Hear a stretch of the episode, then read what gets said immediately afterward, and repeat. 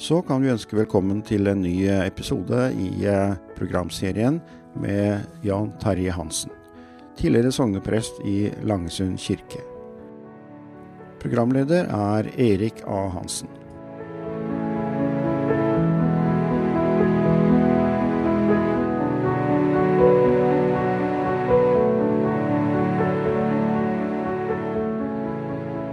Jan Terje Hansen bestemte seg for å bli prest og dro til Stavanger, Jan Terje. Og eh, da hadde du vel ikke vært kristen så veldig lenge, eller? Nei, jeg hadde ikke det. Jeg hadde bare vært kristen et uh, par år, tenker jeg. Ikke det engang. Og bestemte meg for å bli misjonær eller prest. Og hvis jeg dro til Stavanger, så kunne jeg jo bli begge deler. Så det var et greit valg. Og der møtte jeg jo et fantastisk fellesskap, da.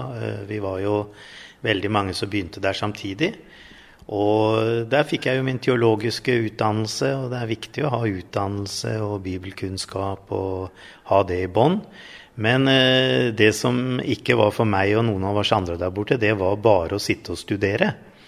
Så vi måtte ut og vitne. Så vi, vi både studerte og var ute i Stavanger og vitna for folk. Og opplevde faktisk at mange ble med og ble kristne. Og jeg også opplevde spesielle ting der, fordi at eh, jeg eh, En dag så var jeg veldig dårlig. Rett og slett så dårlig at jeg måtte komme meg til legen. Og da sier legen det at eh, Han sa egentlig det at det verste han kunne si, da, det var at det er et eller annet gærent med hjerteklaffen din, sa han.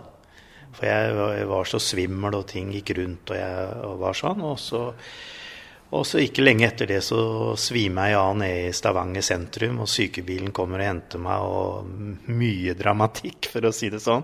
Langt borte hjemmefra og aleine og, og 19-20 år.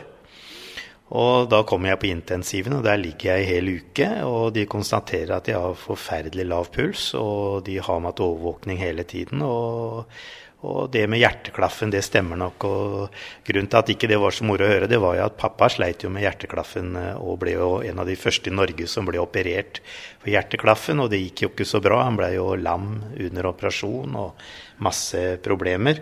Så det var ikke mye moro for en 19-20-åring å høre, da.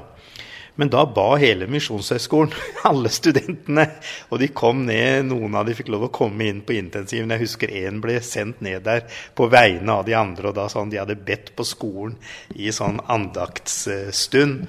Og han kom ned på vegne av alle, alle elevene og la handa på meg og ba om at Jesus måtte helbrede meg. Og da faktisk så vi, er det heter det du har over huet, eh, sånn pulsslag som slår. Vi så nærmest at det skjedde noe når han ba. Og de tok jo undersøkte, gikk inn i lysken og inn med sånn opp i hjertet mitt og sjekka sånn. Men så sa de det at vi, vi skjønner ikke helt hva som har skjedd, sa de. For du var ikke så bra når du kom inn, men nå finner vi ingenting. Så du kan gå ut herfra og ikke være redd for noe, sa de. Så det var, det var litt av en opplevelse. Og Nei da, vi hadde det mye moro. Det var jo midt i den karismatiske eh, vekkelsen vet du, som kom. Og vi var jo veldig ivrige, og det var jo mange av studentene som opplevde både helbredelser, og de kom med profetiske ord, og mange begynte å tale i tunger og, og sånn. Og jeg var nok en av de som var ivrig, og det var også en annen som var ivrig, en som heter Per Agnar. Og en dag så blei vi kalt inn til rektor. Eh, på Misjonshøgskolen. Håkon Haus, sjølve bossen. Og jeg ble kalt inn til rektor én gang før, og det var på ungdomsskolen i, i Brevik. Og da sa han det at, eh, at eh, Hva si det, Terje, nå er du den eneste av elevene her som har nedsatt oppførsel. Så hvis du skal få deg jobb, sa Krokstad, så må du skjerpe deg og ta deg sammen. For det er det første de ser på, det er åssen de har i oppførsel. Så tenkte jeg nå skal jeg på andre gang til rektor på Misjonshøgskolen. Og da var det det at nå var det så mye som skjedde på skolen da, med sånn eh, Den hellige ånd. Og helbredelser og tegn og under. At nå måtte vi roe oss. For dette var jo et, et teologisk fakultet som skulle, skulle, ikke være kjent for sånne ting. Ja. ja, Hvordan reagerte dere på den eh, milde irettesettelsen, da? Nei, vi så på det mest som morsomt. Ja, vi, har ledd, vi har ledd mye av det siden. Eh, vi følte jo, og vi hadde jo Ove Konrad Hansen, som var lærer på Misjonsskolen, som vår store, gode støtte. da.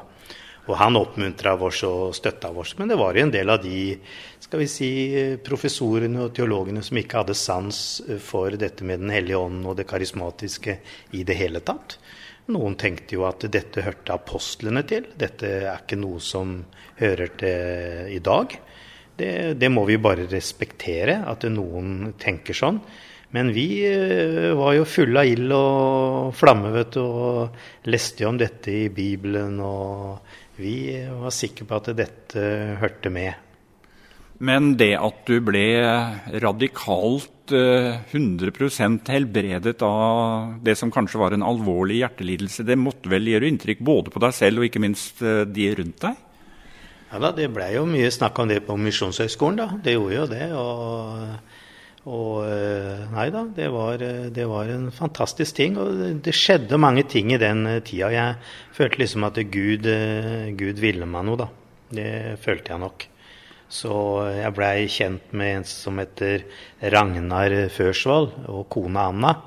Og de betydde kolossalt mye for meg.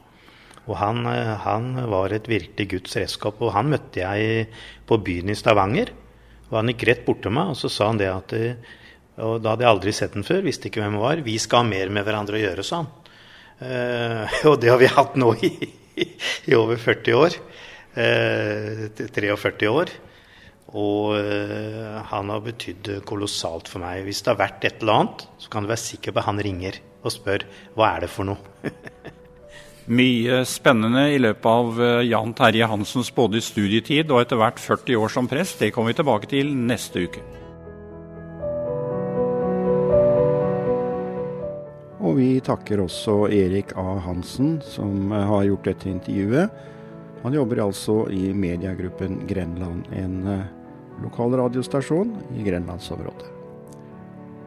Og vi skal få høre mer fra disse to herrene om ikke lenge.